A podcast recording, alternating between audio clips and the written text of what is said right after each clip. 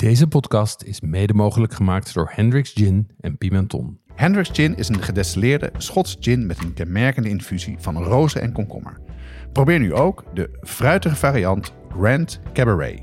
Pimenton is dé webshop voor foodies. Ze hebben meer dan duizend ingrediënten van over de hele wereld die ze snel en voordelig versturen vanuit België. Ook bij ons geldt geen 18, geen alcohol. Jonas, in eh, de vorige aflevering, het eh, deel 1 van het tweeluik over het kerstmenu, vroeg je naar mijn meest memorabele kerst. Dan ben ik wel benieuwd naar die van jou. Ja? Ja, dat dacht ik al dat je dat ging vragen. Ja. ja, wij deden vroeger niet zo traditioneel kerst thuis. Dus eh, wat jij zei, lange tafels, dat soort dingen, dat hadden wij niet echt. Nee. We waren vaak op vakantie.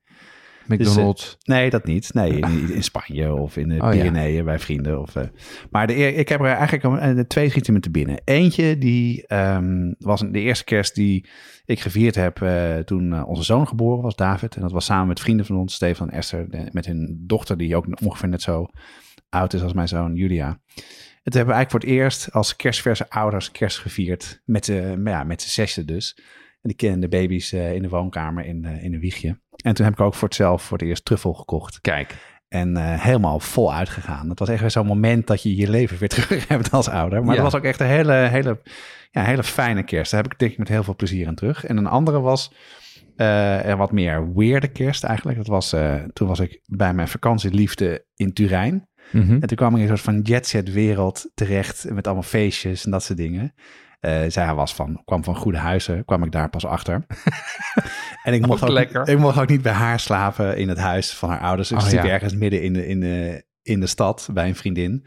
Maar ik mocht wel eh, een gang in het kerstdiner koken. En dat vond ik echt een hele eer toen. Ja. Ik kan me dat heel goed herinneren. Stront zenuwachtig natuurlijk. Nee, daar, dat viel wel mee eigenlijk. nee, wel waar.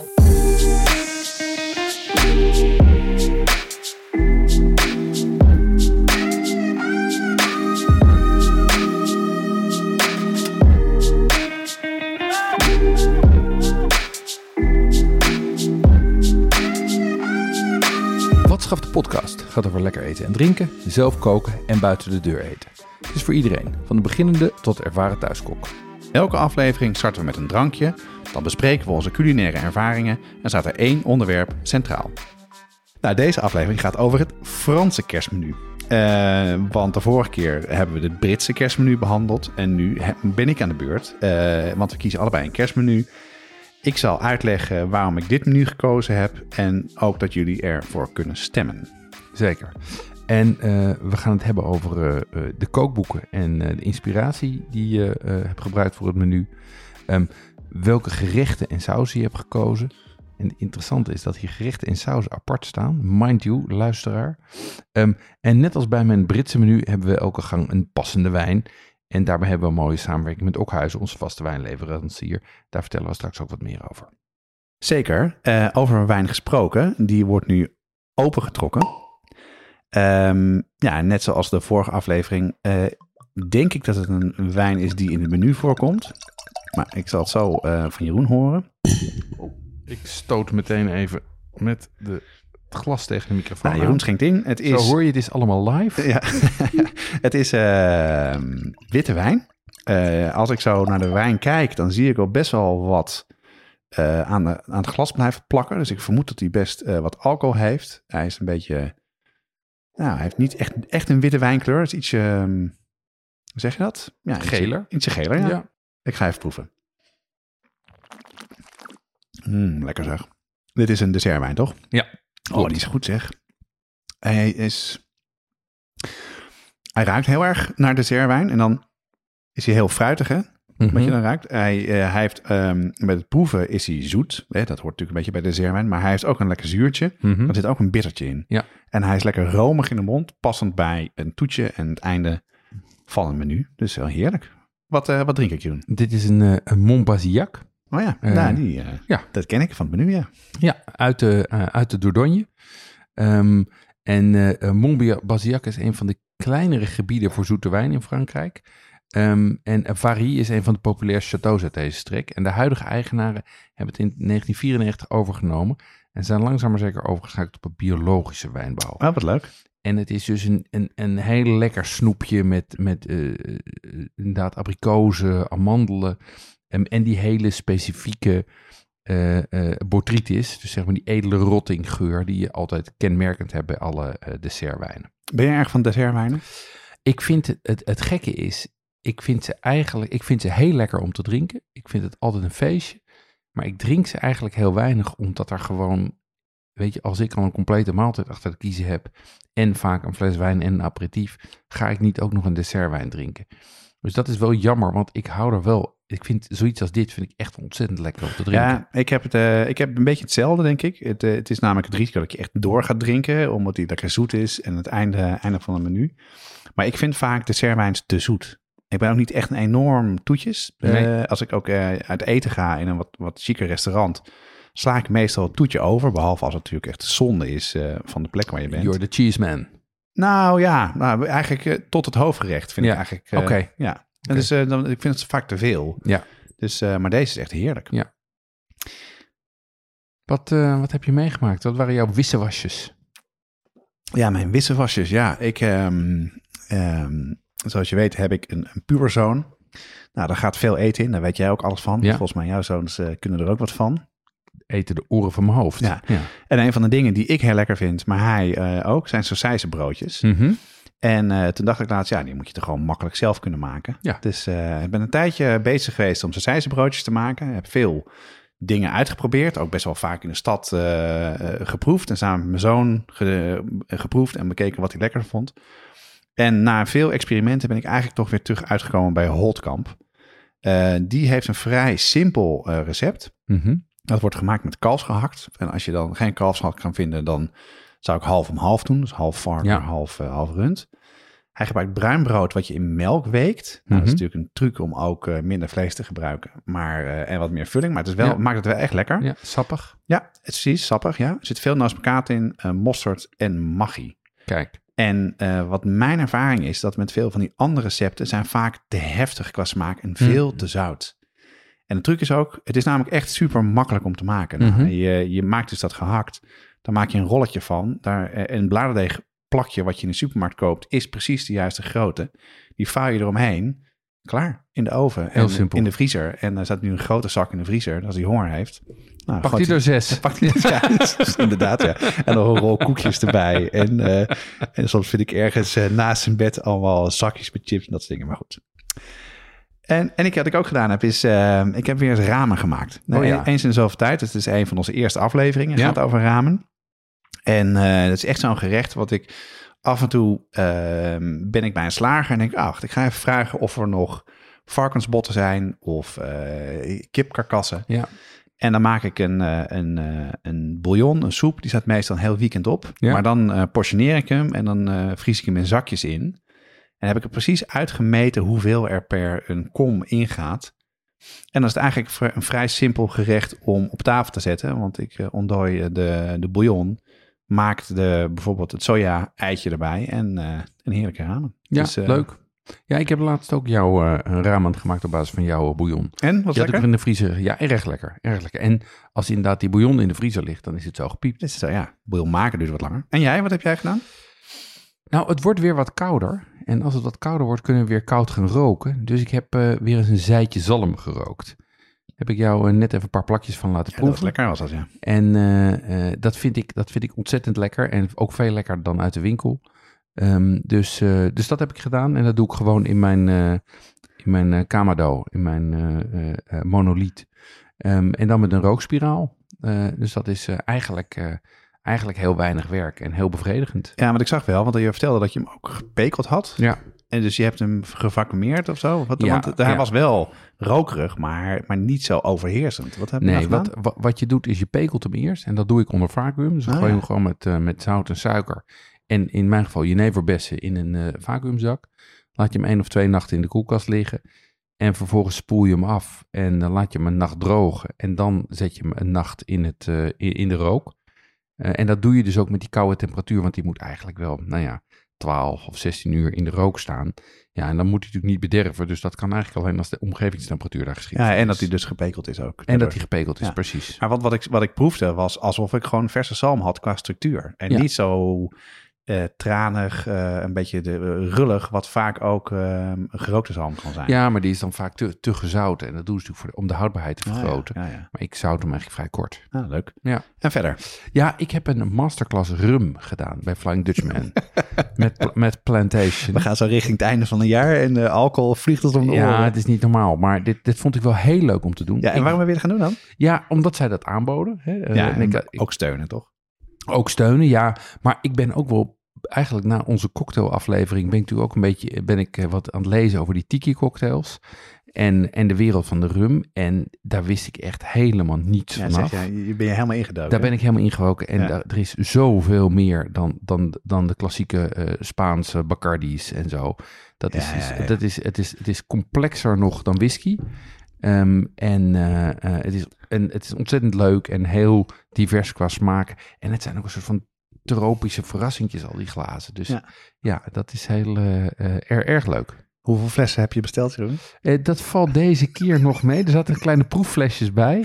Maar ik heb het daarna weten te beperken tot drie. Hey. Dus jij hebt meer dan, meer dan 25 flessen. Want ik trok laatst je drankkast open hier beneden. Maar die is een stuk groter dan die van mij, kan ik Ja, vertellen. er is, een, er is een tweede plank bijgekomen. ja, er is een tweede. Ja, ja. Ja, ik zei al dat ik ben ook eh, de vorige aflevering ook met die cocktails helemaal bezig geweest. Het is heel leuk dat je, dan, als je daar wat meer in duikt, dat, dat die wereld veel opent en dat je er veel meer mee kan. Hè? ja, leuk. Goed, Ehm, het eh, kerstmenu. We hebben een tweeluik gemaakt. Hè? De Ja. vorige aflevering ging over Brits en deze gaat over het Franse menu. Ehm, maar nog heel even kort de regels. Ja, Ehm, we hebben beide menus gemaakt. Luisteraars kunnen stemmen eh, voor team Jeroen of voor team Jonas. En aan het einde van de aflevering leggen we uitgebreid uit hoe je dat kan doen. precies. Maar we hebben ook spelregels. Ja. Ehm, je maakt een vijfgangen menu met recepten uit de Franse of de Britse keuken. We hebben een vaste menuopbouw, die hebben we in de eerste aflevering gesproken. Verder zijn er maximaal vier componenten per gang en maximaal één last minute bereiding per gang. Ehm, de reden dat we dat doen is omdat wij het belangrijk vinden dat je met kerstdiner ook aan tafel zit. En Ja. niet alleen maar als het personeel in eh, de keuken staat. Ehm, en daarbij hebben wij dus gezegd, we gaan allebei voor een keuken kiezen. Dat betekent dat de recepten moeten komen uit een Frans of een Brits kookboek.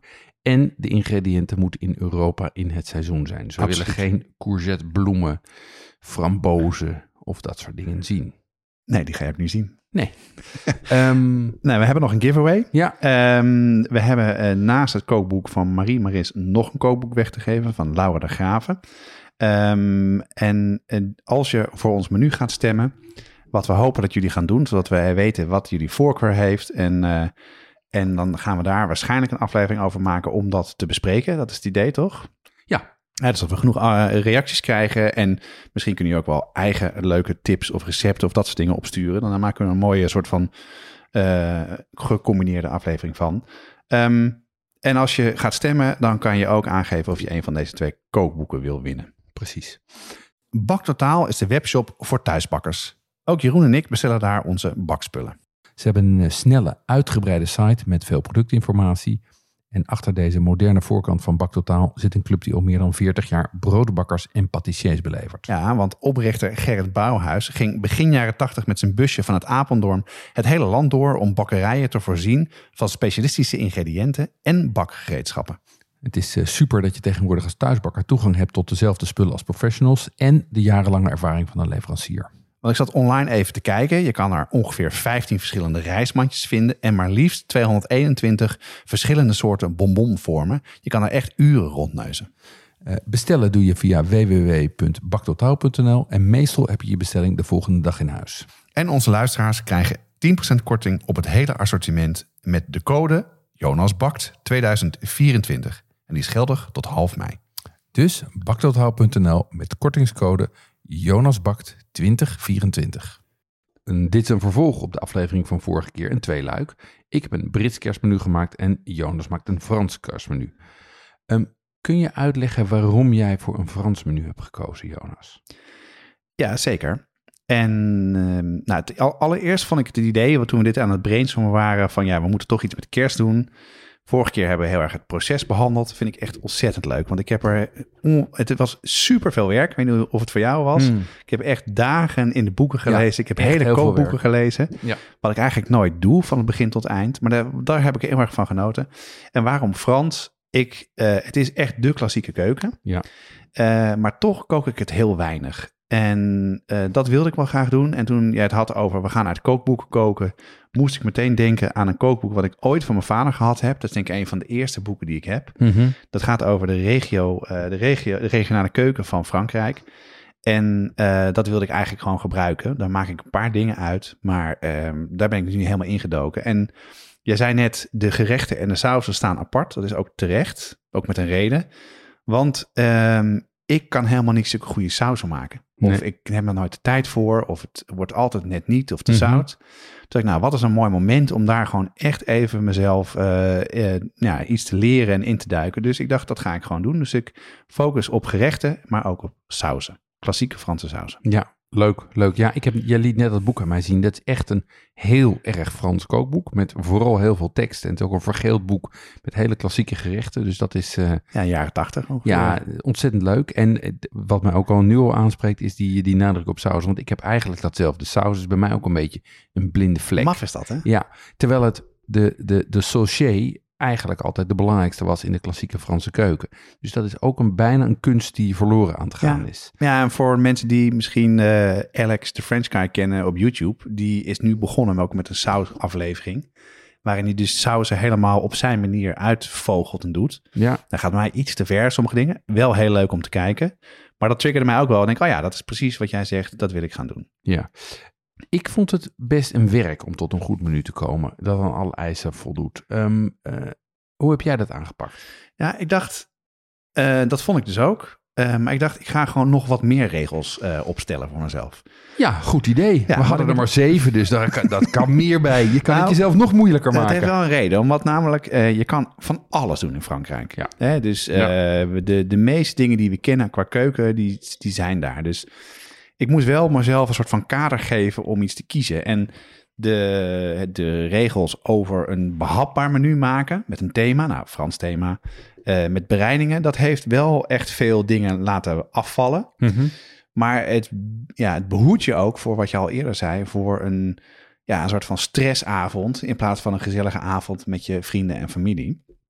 Eh, wat ik wilde, ik wilde graag in ieder geval wat spreiding in Frankrijk. Dus dat Ja. ik niet focust op één soort, eh, soort omgeving.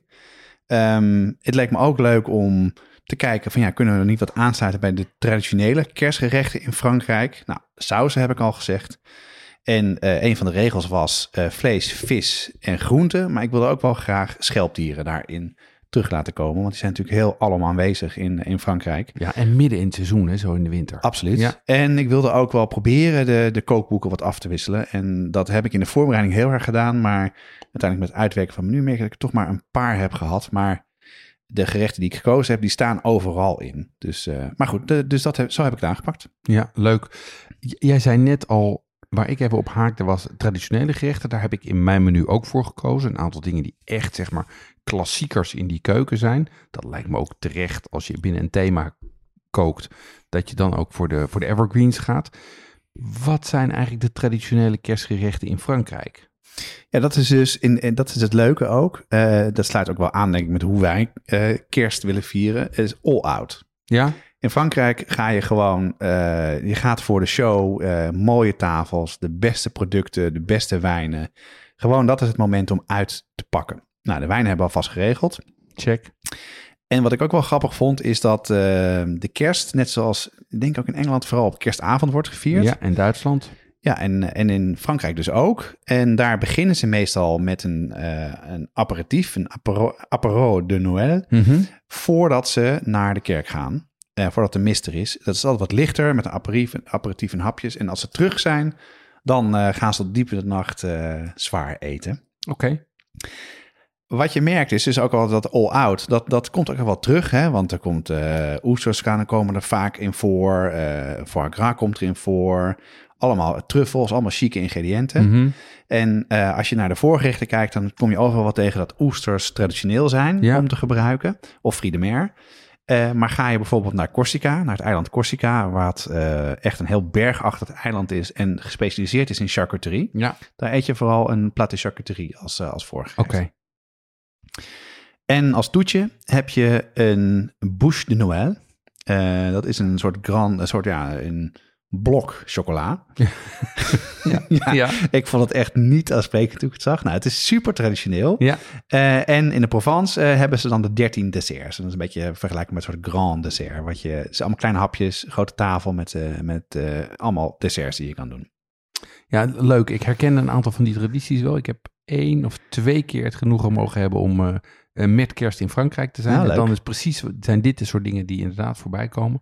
Foie gras, eh um, gebraad en de bouche Noël. Ja, en er is ook een vogel vaak als hoofdgerecht. Hè? Ja. Dus wat jij, jij had een, had een gans. Ja.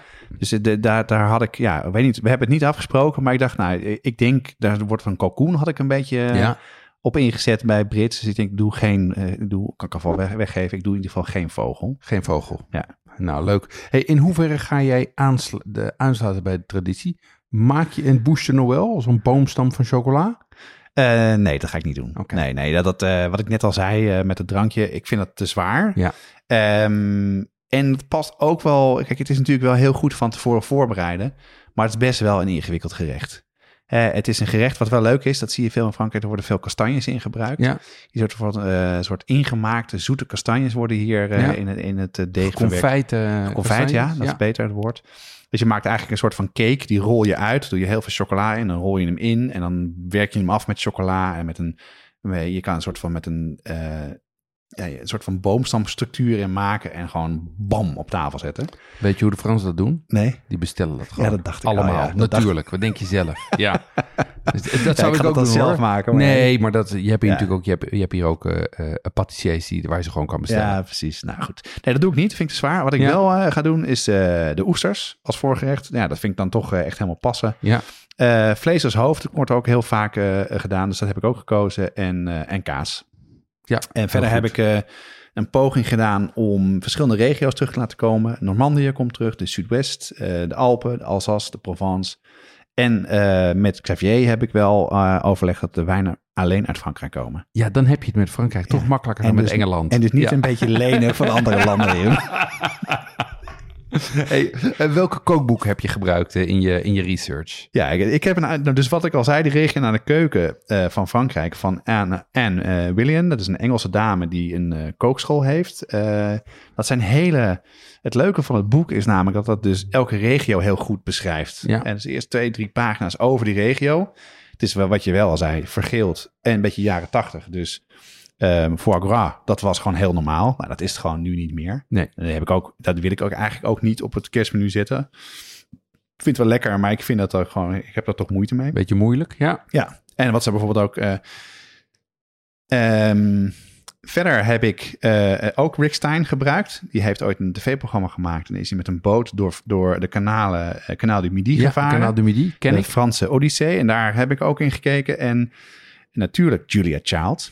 Of course. Eh, The Art of Cooking. Ehm ooit wel eerder over gehad eh, in de podcast.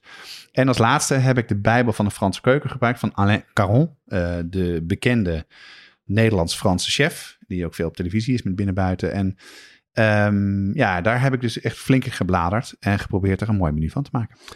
En, maar ik zit even te kijken, Jonas. Ik zie alleen maar Nederlandse en Engelse schrijvers. Ik weet helemaal niet of dit wel kwalificeert als een Frans menu. Ja, ja, ja. Ottelenki, is die Engels ook weer? Of, eh, Goed, kom maar op. Wat is je menu nee, het zijn wel geworden? echt super Franse Ja, nee, gerechten. nee. Dat, eh, dat, dat kan ik je wel vertellen, ja.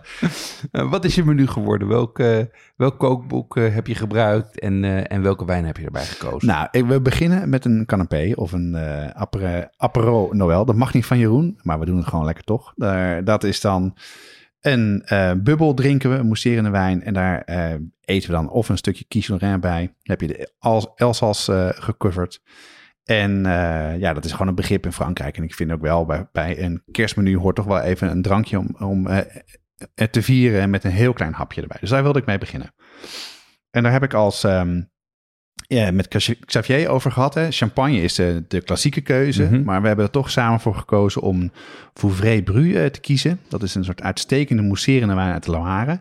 Die is mooi droog, maar met voldoende karakter. Zodat je de brede, brede en toch wel wat zoutige smaken van zo'n apero kan opvangen. En in Frankrijk is het natuurlijk zo dat mousserende wijnen zijn niet alleen maar voorbehouden aan champagne. Maar je hebt door heel Frankrijk echt heerlijke champagne-achtige wijnen. Dus Mhm. eh, Dat lijkt me een mooie opening. Hm, Goed, dus jij past de regels aan tijdens de wedstrijd. Zeker. Eh, eh, maar je begint wel met bubbels. Absoluut, dus daar, ja. daar, daar- you, you, you got me at eh, champagne. Ehm, kom maar door met eh, de eerste echte gang van je menu. Wat heb je gekozen? Ik heb gekozen voor oesters. Eh, omdat dat eh, echt klassiek Frans is met Mhm. kerst. Ook heel erg lekker is. En ook een perfect... Het ziet er mooi uit aan tafel. Ja. Het is niet te zwaar. heel smaakvol. En het is ook heel goed van tevoren te bereiden. Dus als je het mooi maakt, dan kan je het op een mooie schalen zetten met, met ijs erop en neerleggen. En dan ben je klaar. En ik wil daar eigenlijk gewoon de klassieke dingen bij zetten. Dus twee zuren, citroen en rode wijnazijn met een beetje shallot. Zodat je dat eh, een paar druppels op de oester kan doen en eh, naar binnen kan slurpen. Ja, prachtig. En wat leuk is, we waren een keer in, ehm, op vakantie in Frankrijk. In het gebied waar heel veel oesters gemaakt worden. En daar hebben wij bij een oesterkweker zijn een keer tegen ons. Als je nou kinderen oesters wil laten proeven. Dan, wat je dan moet doen is dat je de spier neemt. Klein stukje van de spier waar de oester vastzit aan de schelp. Oké. Want dat is namelijk helemaal niet glibberig of zout, maar een beetje zoetig. Een beetje vergelijkbaar met eh Sint-Jacobsschelpen. Ja. En dat is eh, een perfecte soort van opstap aan kinderen. Nou, het lijkt me dan mooi om aan het kerstmenu... zullen de kinderen misschien de oesters overslaan... maar voer ze toch maar een stukje spier. Nou, prachtig, eh, prachtig voorgerecht. eh, eh, oesters, altijd mooi. Niet echt een gerecht, vind ik tenminste. Maar Gaan we zo ehm, beginnen. wat, wat drinken we hierbij? Nou, we drinken gewoon de bubbels door. Ja. De Fouvray. Hè, Ja, dus, eh, ideaal. Hè, dan heb ik mijn, mijn regels. Ik heb twee gerechten weer in één geduwd. Hè, dan, dan zijn we gewoon weer... houden we ons aan de regels. Heel goed. Ehm, dan komt nu het eerste warm voorgerecht, lijkt me. Ja, nou nee, ook niet. ja, weet je, dit was echt wel een gepuzzel. Ja, Ehm, wat ik heel belangrijk vind bij, bij menus, eh, los van, van de praktische haalbaarheid, eh, ook wel een beetje de opbouw en ook dat een dingen zich niet te veel herhalen. Ja. Ehm, dus ik wilde heel graag een, een eh, salade doen, een salade perigordine. ja, Dat is een soort van klassieke salade waar gerookte eendenborst in zit ja. waar met de walnotenolie wordt gebruikt en walnoten. Ja, dat leek me ook lekker, lekker bij een soort van overgang. Maar ja, dat is een beetje raar om dat dan eh, vlak voor het hoofdmenu, hoofdgerecht te doen. Dus ik heb die toch even omgedraaid. Oké. En lekkere plak foie gras erbij. Ja, dat hoort wel, maar dat eh, doe ik dus niet. Oké. Maar wist je dat, dat, dat heb ik dus uit het boek gehaald, Ja, dat in dat gebied, hè, de Landes, eh, de, daar onwijs veel foie gras productie is. En dat een bijproduct zijn dus die beesten. Hè, want ze moeten ze wel eh, slachten om de, om, de, om de levers te vinden. ja, Dus daarom heb je daar ontzettend veel geconfijte eenden, geconfijte ganzen ja. en heel veel gerookte dingen. Dus het is echt zo'n, eh, weer zo'n industrie die daar ontstaan is, die gefocust is op foie gras, Mhm. maar dan eh, weer voor gezorgd heeft dat je ook lekkere gerookte eendenborst kan gebruiken bij een goede salade. En ik probeer daar wel dan ook wat, eh, wat, wat fris aan toe te voegen. Ja, Dus ik doe er wat verse vijgen bij. Ehm, het lijkt me ook lekker om daar wat meer een dressing te maken met wat frambozen aan zijn. En dat geeft een wat fruitig accent. En slaat een beetje brug naar, naar de wijn die ik daarbij heb uitgekozen. slim. Waarom vervang je de eendenborst niet door ganzenborst? Zo dan? Eh, nou, ik was natuurlijk bezig met research voor mijn, eh, naar mijn gans. En toen kwam ik Bert tegen. Ah, Bert is de wilde ganzenman van Nederland. Eh, Echt waar? Ja, Bert doet mooie dingen met Schipholganzen. Weet jij hoeveel eh, ganzen er jaarlijks worden afgeschoten omdat ze schadelijk zijn in Nederland? uiteindelijk, eh, daar bedoel je mee dat ze in de motoren van vliegtuigen kunnen Ja, komen. of, of omdat ze eh, landbouwgrond, het lijkt schade, richt, schade richten aan de landbouw. Nou, wat zou het zijn? Per jaar zeg je? Ja? Duizend of zo? Is het 2000? 60.000. Nee, meen je niet. Ja, Zoveel? ja 60.000. En wat gebeurt ermee dan? Ja, het punt is, ze zijn eigenlijk niet zo geschikt om te braden, want daar zijn ze te taai en te tranig voor. Nou ja, Zoals ze Bert vliegen zijn, te veel. Ja, het zijn sportganzen. Ja. Gespierd en zonder een grammetje vet. En dus ik heb bij een poelier een tammegans besteld, maar die gerookte eendenborst, die lijkt me heel geschikt voor jouw salade. Ja, dus dat je dus de, niet de ene borst gebruikt, maar de, de ganzenborst. Ja, dat maakt hij ook. Die maakt hij ook, ja. Ah, lekker zeg. Hij maakt, hij maakt confit van, eh, van gans en ehm, eh, gerookte ganzenborst. En dan kan je gewoon bestellen. Ja, en als we zullen de link op de website Ah, zetten en eh, daar kan je dan wat mee. Wat, een- wat een goed idee zeg. Ja, Nou, de wijn die we hierbij drinken is een wijn uit 2019. eh, Le Bergerie de la eh, Couliure Rosé van het Domaine de la Rectorie. Ehm, dat is een rosé uit het zuiden van Frankrijk. Die is heel licht. Eh, bijna een soort van witte wijn, maar wel met voldoende body om tegen die eh, gerookte eendenborst, maar daar maken we dus ganzenborst van, eh tegen op te kunnen. Ja, en ik ken die wijn. eh, die heeft ook wat framboosjes. Dus ik snap die, eh, die, eh, die inzet van die frambozendressing dan Nou, ook. goed. Ja. Leuk. Daar heb jij goed, mij goed bij geholpen. Lekker. Twee klassieke Franse gerechten en dito wijnen. Ehm, eh, welk gerecht komt hierna en, en, waar heb je die vandaan? Ja, ik wilde nu eh, overstaan naar, naar, naar vis. Dus dat wordt een warm voorgerecht. En daar heb ik het kookboek wat ik van mijn vader kreeg gekozen van Anne William. William. Eh, want daar stond een gerechting van eh, tong met garnalen en mosselen en een velouté saus. Eh, Tong, garnalen, mosselen, zeker. En het, saus. ja, het voordeel van tong is namelijk, dat is best wel een stevige, stevige vis. Mhm. Die droogt niet meteen heel erg uit. Dus die kan je ook vrij goed maken. En dus even laten staan en weer opwarmen. En hier wil ik eigenlijk focussen op de saus. Wat is de eerste echte klassieke saus? Een saus parisienne. Dat is een witte wijnsaus eh, met kookvocht. En die bind je met een roe, eierdooiers en room. Wauw. Ehm, hoe je dit gerecht maakt, dat is ook best wel interessant. Dus je gaat dus eerst eh, de, de wijn in deze saus is cider. Eh, je gaat eerst de mosselen maken. Ja. Die openen zich en je bewaart al het vocht. Je maakt ook van de graten van de tong, want je werkt met tongfilets, Ja. maak je een bouillon. Ja. En je gebruikt zowel het vocht van de mosselen als de, als de, de bouillon. Eh, die tong leg je in een ovenschaal, doe je wat champignons overheen en daar doe je dan die bouillon overheen. En daar pocheer je het even met een soort van eh, vetvrij papiertje bovenop, van Mhm. 8 tot 9 minuten. En dan heb je eigenlijk de, de visjes dan klaar. Ja. En dan met dat kookvocht, dat, eh, dat giet je goed af. Moet je goed opletten dat je daar dus niet wat van het gruis, wat eventueel uit de mo- mosselen kan komen, mee, eh meegiet. Mhm. Daar ga je de saus mee maken. Dus je gaat het eerst ver inkoken. Ja. Dus als je ander soort bouillon gebruikt, geen bouillon met zout, want anders wordt het gewoon bremzout. Ja, snap ik. Eh, wordt wat stropiger en dan maak je een roe. Ehm, en roe is eh, boter en meel bak je aan. Nou, dan moet je dus niet te bruin laten worden, anders wordt de saus te bruin, maar het moet wel gaar zijn. Ehm, daar, doe, daar voeg je dan het eh, vocht aan toe. Dan nog wat eieren en wat room. En dan, zodra je het gerecht gaat opdienen, en dat is dus ook wel handig qua handelingen, ehm, leg je de tong eh, in, eh, op een bord of op een schaal. Daar doe je door de saus, de mosselen en garnalen doorheen. Dat eh, leg je op de vis, onder de grill. Zet je de grill, geef je een flinke tik met het vlees en dan dien je het op. Eh, nee, dan wilde ik daar eigenlijk eh, wat gesmoorde prei bij, eh, bij serveren. Mhm. Vind ik altijd heel lekker bij vis. Ja. En daar heb ik iets, beetje een soort van citroensap of vinaigrette bij doen. Dat een beetje een soort frisse noot heeft. Met die hele lekkere, zalvige, mooie velouté witte wijnsaus. Maar even voor mijn begrip, eigenlijk bereid je het hele gerecht dus voor. Alleen op het laatste moment geef, geef je de borden een tik onder de grill. Ja. En doe je dat dan, maak je dat dan op het bord op? Ga je die borden individueel onder de grill zetten of doe je het op een schaal? Ik denk een schaal, als Ja. ik eerlijk ben. Ja, Eh, gewoon ook. praktischer. Maar ehm, mijn borden kunnen in de oven. Maar ja, dat vind ik toch al een beetje gedoe. Want mensen kunnen gaan een bord toch vastpakken als ze hun handen branden. dat en dan moet je dus acht borden in de oven, uit de oven, in de oven, uit de oven. Weet je, dat, Ja. nee, maar, ik, maar het, wat, dat, wat dat betreft is het elegant. Want je kan dus eigenlijk je, eh, je filet, je saus, je garnituur, alles kan je klaar hebben. Je hoeft alleen op je, je kan het zelfs kant-en-klaar in je schaal. Bij wijze van spreken hoef je alleen die schaal even oven te gooien. Absoluut, ja. ja en dat, vond, en dat vond ik dus het leuke van de Ja. regels die we onszelf hebben Ja. opgelegd. Dat je toch heel veel gerechten afvallen. Omdat je anders de vis nog moet maken of dingen moet doen. Ja. Porcheren lijkt me ook gewoon echt heel lekker met, eh, met dit soort vis. Slim. Ehm, welke, welke wijn heb je met de Xavier hiervoor uitgekozen? Ja, hier heb ik een eh, wijn uit 2018 gekozen. Een Veracruz, een Muscadet de Sèvres et Maine-sur-Lie van eh, Domaine eh, Lanneau, Papin.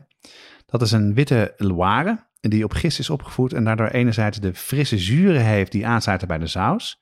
Maar het heeft ook een body om het gerecht wat meer te dragen. En Muscadet is echt een beetje, ja, een beetje vergeten onterecht. Ja. En het is een heerlijke wijn en ook een hele goede prijs. Passend bij, eh, bij dit gerecht. Dus dat leek mij een goede keuze. Ja, ja wij zijn dol op uh, Muscadet de is inderdaad een beetje een soort van ouderwetse wijn. Maar het is bij ons thuis de wijn die we altijd schenken bij, Oh ja. mos- bij mossels. Ah ja, nou ja, dus wat dat betreft bij. eh, eh, snap ik dit helemaal. Ja. Slim, mooi gerecht ook. Na die eh, eh, salade eh eh, Périgordine ga je nu echt vol Frankrijk in. Met de room en de garnalen en de mossels en de vis. Nou ja, en dan moet het dus komen. De pièce de résistance. Precies. Wat heb je gekozen? Wat is het geworden? Eh, en ik heb, moet eerlijk zeggen, de keuze heb ik laten vallen op de saus.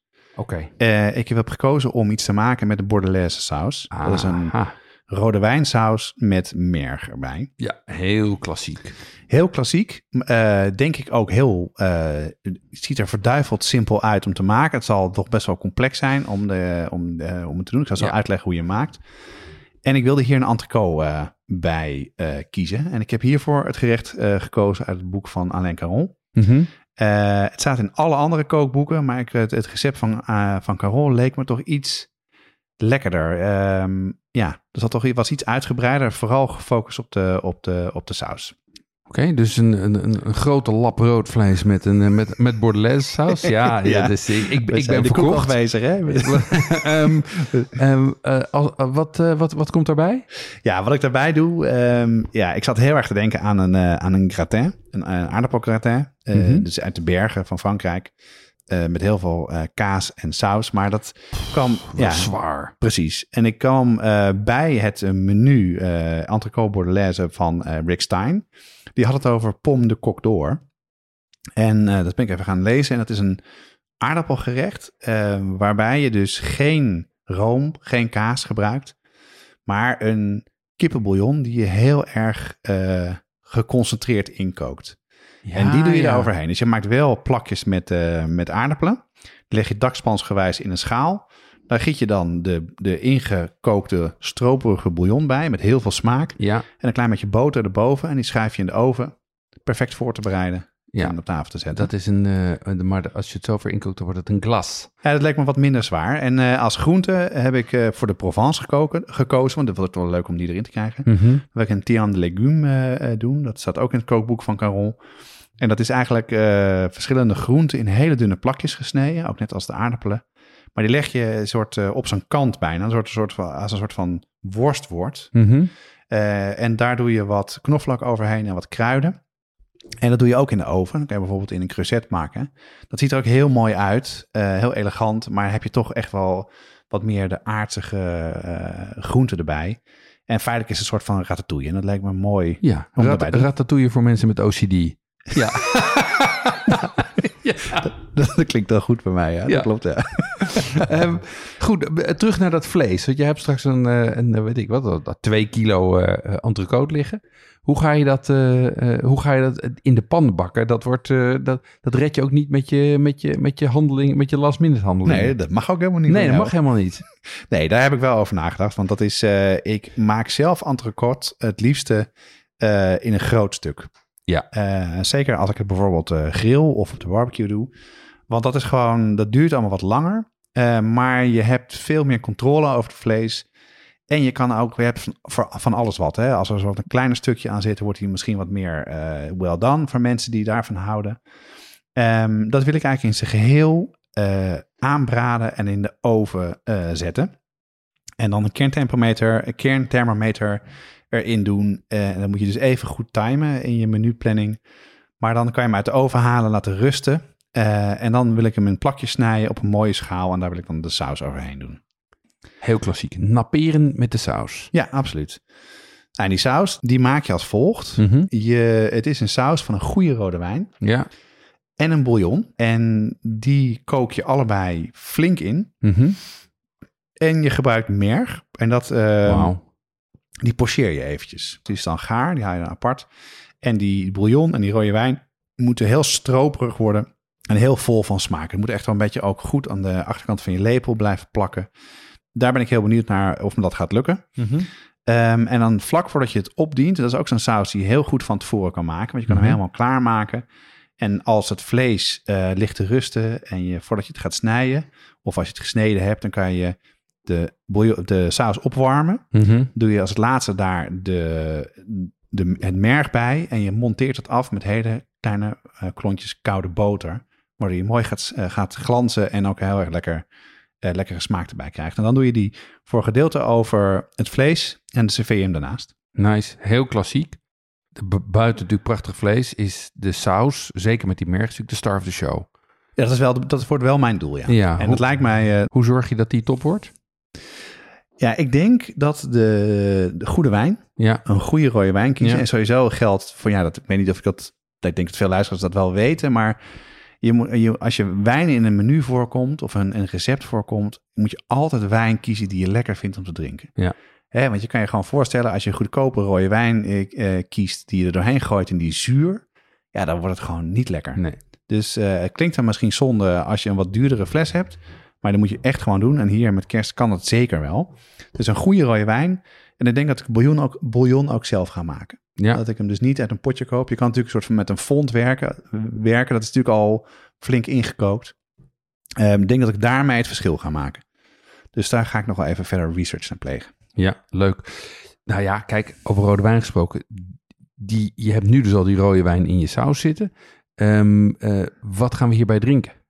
Hier gaan we een eh Chateau Barberousse drinken. Dat is een klassieke Saint-Emilion uit Ja, 2016. Die ken ik wel. Ja, nou, leg uit dan. Ja. Ja, dat vind ik leuk. Ja, ik ken hem, ik bedoel, ik heb het er met, met CV over gehad, maar ik ken hem zelf niet. Maar Ja, als jij hem kent, dan eh, leg uit wat het Ik, is. ik, ik koop dat, wij kopen die al jaren. Eh, dat is een hele klassieke Bordeaux, een Saint-Emilion, met, met pruimen, laurier en cacao. Ehm, als je die wat ouder hebt, dus 2016, dan zijn de tannines grotendeels gesmolten, maar nog wel aanwezig. Uitstekend bij eh, eh, vlees, heel klassiek. Ehm, en wat ook leuk is, is dat het is ook een van de eh, favoriete wijnen van, van onze wijnman, Xavier. We hebben hem al een keer- paar keer genoemd. En die is trouwens net verkozen tot wijnkoper van het jaar 2020. ja, leuk hè? En noemde in zijn lijst met favoriete wijnen ook deze. oh, wat leuk. Oh, dat Ja, wist ik. Nee. Dus eh, bovendien heeft de wijn laatst ook weer een medaille d'argent gewonnen in Lyon. En wat wel interessant is, je ziet natuurlijk heel vaak van die stickers op die wijnen zitten van dat ze prijzen hebben gewonnen. Er zijn er eigenlijk maar drie die er echt toe doen. Parijs, Lyon, Bordeaux. De rest, als, het, als ze een prijs hebben gewonnen in Genève of in... eh dat, Oh, niet- niet doen. Niet, nou en. ja, ja, precies. Nee. Parijs, Lyon, Bordeaux, dat zijn de grote wijnconcoursen. En deze heeft dus in Lyon eentje gewonnen. Dus eh, dat is mooi. Ja, ik had nog wel een vraag aan jou, want ehm, bij zo'n groot stuk vlees, Ja. ehm, dat, daar heb je een kernthermometer, een kernthermometer voor nodig. En daar, Mhm. als je hem dus medium wil hebben, moet hij ongeveer 52, 55 graden Ja. zijn. Maar kijk, ik weet dat als je dat uit de oven haalt, dat het dan doorgaat. Hoe zou je dat aanpakken dan? Zou je het Nee. trouwens ook zo doen zoals ik zeg? Eerst bakken en dan in de oven? Ja, nou, ik denk dat ik ervoor zou kiezen om hem... ehm, het hangt er een beetje vanaf hoe lang die moet. Maar ik denk dat ik, hem, dat ik het eigenlijk andersom zou doen. Dat ik hem, dat ik hem zeg maar in de oven zou leggen en hem daarin zou garen. Ah ja. Tot ongeveer 49, 50 graden.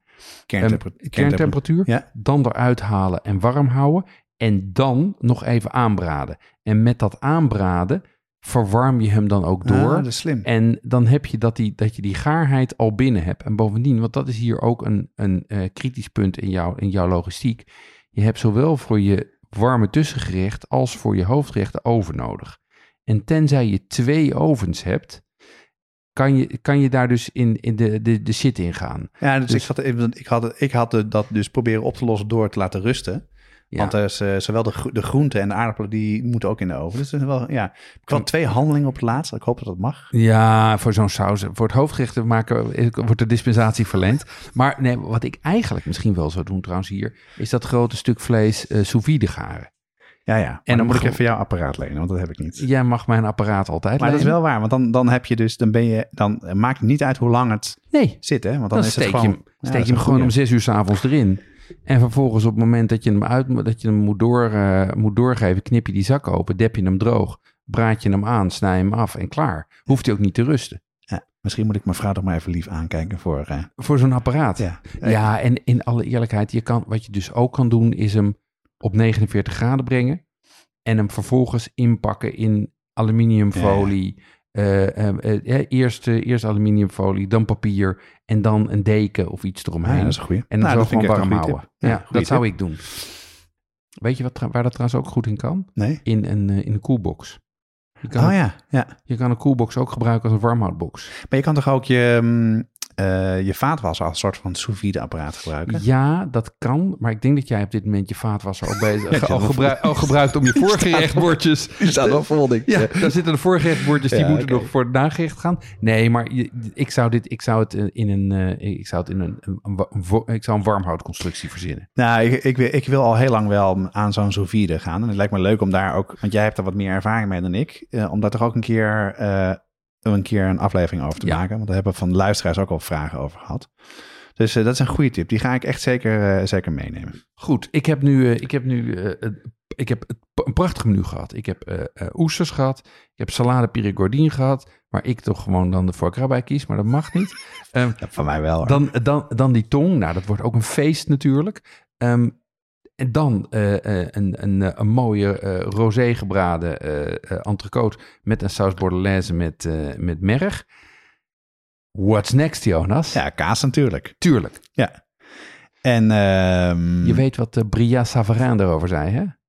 Nee? Een maaltijd zonder kaas is als een mooie vrouw met één oog. Ja, nou, Ja. dan gaan we zeker kaas eten. ja, en daar heb ik ehm, gekozen voor een klein plateau. Ja. Het lijkt me leuk om gewoon op tafel te zetten. En daar wil ik kijken. Natuurlijk, kaas in Frankrijk is natuurlijk heel erg klassiek. Ehm, ik heb voor vier kazen gekozen. Ja, Ehm, ik denk dat ik toch gewoon voor klassiek ga. Een geit, een wit schimmel, een rood schimmel en een blauw schimmel. En Top. niet iedereen houdt per se van een, een blauw schimmel of geit. Dus dan kunnen ze een beetje kiezen. Mhm. Dus dat wilde ik doen, maar ik ben eigenlijk... Dat, en eh, normaal zou ik gewoon een kaaswinkel ingaan en dit zeggen. Mhm. Dus ik heb nog niet echt gekozen wat ik zou doen. Maar wat zou jij doen? Want jij bent daar wat meer mee bezig volgens mij, toch? Ja, kijk, ik zou, ik zou het zelf doen als jij. Ik zou ook naar een goede kaaswinkel gaan en een gesprek met ze voeren.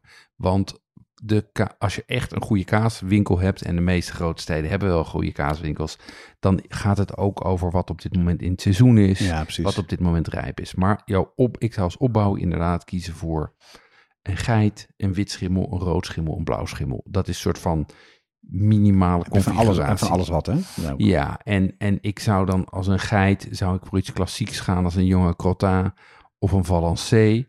Hè, dat is zo'n zo'n piramidetje met, Ja, ja, met, eh, zeker, met, ja. met as aan de buitenkant. Die heeft wat rins, dat is fris. Ehm, bij witschimmels hou ik meer van de double crème, dus de, de extra romige kazen. Ja, ik ook. Zoals een, eh een Bria Savarin, die ik net aanhaalde als eh, in, in de, zijn citaat over de maaltijd van de kaas. Ja, die zal hij wel weten. Of, of een explorateur, dat zijn een soort van, eh, dat zijn zeg maar brie-achtige, Ja. maar nog romiger en nog met meer smaak. Ehm, bij roodschimmel neig ik dan naar een Langre of een Epoisse of een Ja. Münster. Ja, Epoisse vind ik heel lekker. Het is wel heel pittig, maar ik vind het wel een klein je- hapje ervan is echt... eh, Maar ook hier bouw je op, hè? ja, ja, precies. En, en nou, voor, blauw, voor, voor blauwschimmel is voor mij eigenlijk alleen eh, een Roquefort en dan bij voorkeur de papillon of de biologiek. Nou ja. Gewoon vol tussen de ogen. En, eh, en dan kon je die, die, die, die dessertwijn van jou, die, ma- mag die al open dan? Ik zou hem, eh, ja, ik heb Ja, mijn toch? glas al bijna Ja. op. Dus. nee, zeker wel. Dat is natuurlijk, want het, sommige, ja, ik vind het nooit echt een probleem om eh, een beetje rood door te drinken met kaas. Eh, ik vind dat kaas en, en, en drank altijd vrij moeilijk. Ja. Nee, maar dat doen we zeker. En die gaan we ook doordrinken bij het volgende gerecht. Want ik heb er toch stiekem, jij hebt een stilten erin ge, ge- ge- gefietst. Ja, En eh, ik heb mijn voorgerecht uit twee componenten laten bestaan. Een eh, aperitief en een oester. Maar ik ga toch een toetje doen. kijk. Kom maar door, wat heb je bedacht? Maar het leek mij leuk om eh, te eindigen met wat mad- madeleines in een warme sabayon saus. En dan hebben we ook, Lekker. ja, dan hebben we ook dus de, de, de gewoon echt de derde klassieke saus er ook bij te pakken. Mhm. En dit is ook iets wat je, wat je goed van tevoren kan voorbereiden. Want je kan dus die, het beslag voor madeleines kan je gewoon van tevoren klaarmaken, in spuitzakken doen, eh, dichtmaken en die in de ijskast zetten. Ja, En qua recept ga ik een beetje smokkelen. Want ik had het eh, boek van Alain Caron door te lezen. Daar stonden, kwamen madeleines in voor. Mhm. Hè, die eh, van origine wat meer uit de Elzas komen. Uit het, beetje richting het Franse, of de Duitse gedeelte, begreep ik. ja. Alleen ik las het recept en denk, hé, hey, dat is een recept, dat ken ik. Dat is Ja. echt exact het Holtkamp recept. dus ik denk, nou, dat is lekker makkelijk. Ja, Maar toen la- las ik later dat, eh, dat hij Holtkamp bedankt voor zijn hulp. Dus ik vermoed gewoon dat dat daarin zit. en dat, ah, Monsieur Oldkamp. ja, en die versie van hem maak ik heel vaak. Eh, er zijn heel veel soorten versies om madeleines te maken. Deze is dan voornamelijk, eh, zit een groot gedeelte amandemeel bij. en een klein beetje eh, vanille. En ja, die vind ik heerlijk. En, en sabayon, ja, die gaan we erbij maken. Eh, en dat is wel een wat langere handeling. Dus, eh, dus zodra je klaar bent, het, het duurt ongeveer 10 minuten, de madeleines. En de sabayon, die maak je, dat is eigenlijk een saus waar je eieren eh, opwarmt au bain-marie met suiker. Die klop je helemaal op tot ze heel luchtig worden. Net zoals bij BNS, dan moet je wel opletten dat ze niet te warm worden, anders wordt het scrambled eggs. Mhm. En dan gaan we ineens naar het Britse menu. Dat willen we niet. Nee, we blijven nee, bij ja. Frans. Oui. Ehm, en dan ga je dat afmaken met, een, eh, met vocht, met van smaak. En meestal wordt daar, daar bubbels voor gebruikt, champagne. Ja, Maar het leek mij wel leuk om eh, deze dessertwijn een beetje er doorheen te doen. Dus ik denk dat ik een combinatie maak met de bubbels van het voorgerecht en deze wijn om daar een lekkere, luchtige, warme saus te maken. Die is een beetje zoetig, eh, maar ook een beetje eh, door de wijn ook wat, wat, wat, net een beetje een zuurtje. En wat je dan doet, die zet je in een bakje op tafel, pakt een warme madeleine in een warme saus sabayon. Die doop je erin, stop je in je mond en dan drink je nog een klein slokje van deze dessertwijn. En dan ga ik niet naar een, eh glij ik niet weg naar een open haard, maar gewoon van mijn stoel af. Ja. maar even, ik, ik wil even 10 minuten eh, eh, terugdraaien in deze film. Want wat er dus aan het... Jij zet de kaas op tafel. En op dat moment maak je voor jezelf een kaasbordje. En vertrek je met de fles witte wijn en met de fles dessertwijn naar de keuken. Want Nou. die heb je nodig voor, het, eh, voor, het, voor de sabayon. Ja, Dat is het beeld, hè? Nou ja, de sabayon is vrij snel gemaakt. Ja. Het is gewoon, eh, je, je, je- je- maar dat is wel, ja, dat is het enige waar ik wel lang aan getwijfeld heb Ja. om het te doen.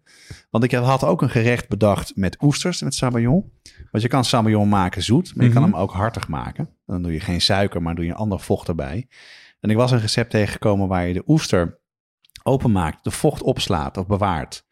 Daar maak je een bouillonnetje van. En eh, de oesters doe je, de schelpen in de oven warm je op. De oesters die ga je heel een paar seconden doorgaren in dat vocht.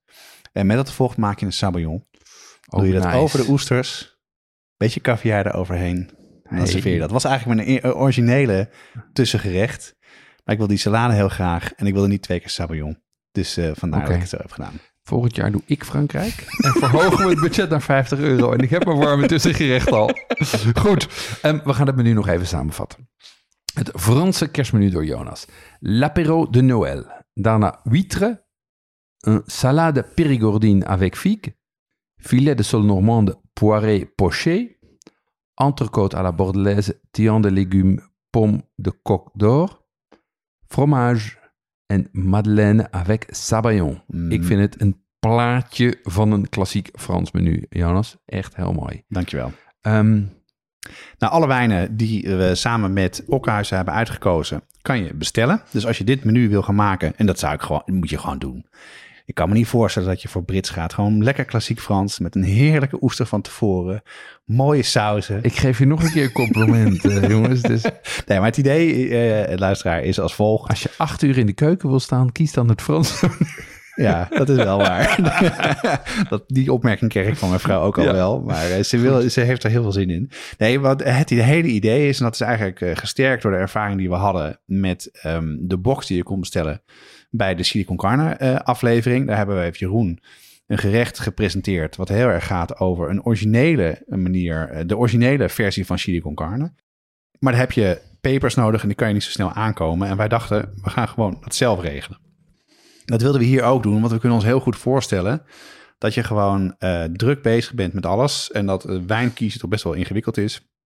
En dat hebben wij als je dit menu kiest, of je kiest een variatie hierop, dat je dan in ieder geval de wijn in huis hebt. En dat is echt een goede prijs, want dat zijn voor zes flessen, krijg je voor 84,50 euro een mooie doos thuis bezorgd in Nederland. En de bezorgkosten zijn 5,95 euro. En, en dat is niet onbelangrijk, eh, je helpt ons er ook mee, zodat wij de podcast kunnen blijven maken.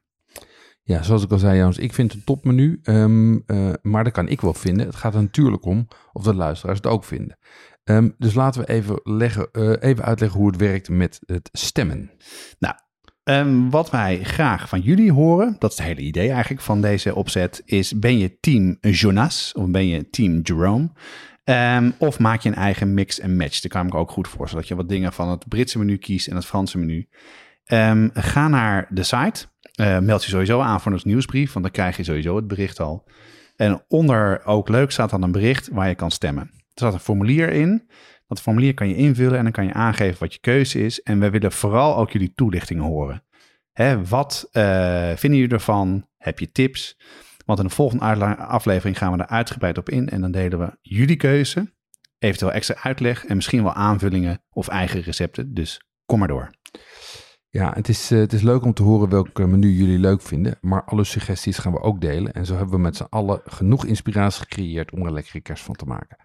Um, uh, het voordeel is ook als je gaat stemmen dat je dan uh, de kookboeken kan winnen, want die geven we ook weg. Bij het invullen van je voorkeur kan je ook aangeven of je een kookboek wil winnen en welk. Uh, we kiezen de winnaars uit de mensen die stemmen voor het menu en op onze nieuwsbrief ingeschreven staan. Nou, net als de, bij het Brits menu slaan we het vegetarisch repertoire even over, maar daar komen we op de volgende aflevering uitgebreid op terug. Um, om een beetje tegenwicht te bieden tegen de extra kerstmenu's. Deze podcast wordt gemaakt door Jeroen Doucet en mezelf, Jonas Nouwen. De online productie van de show notes en de recepten wordt gedaan door Corianne van Dodewaard Straathof. Reacties kun je sturen naar jeroen.watschaftepodcast.com of jonas.watschaftepodcast.com of stuur een DM via Instagram, Facebook of Twitter.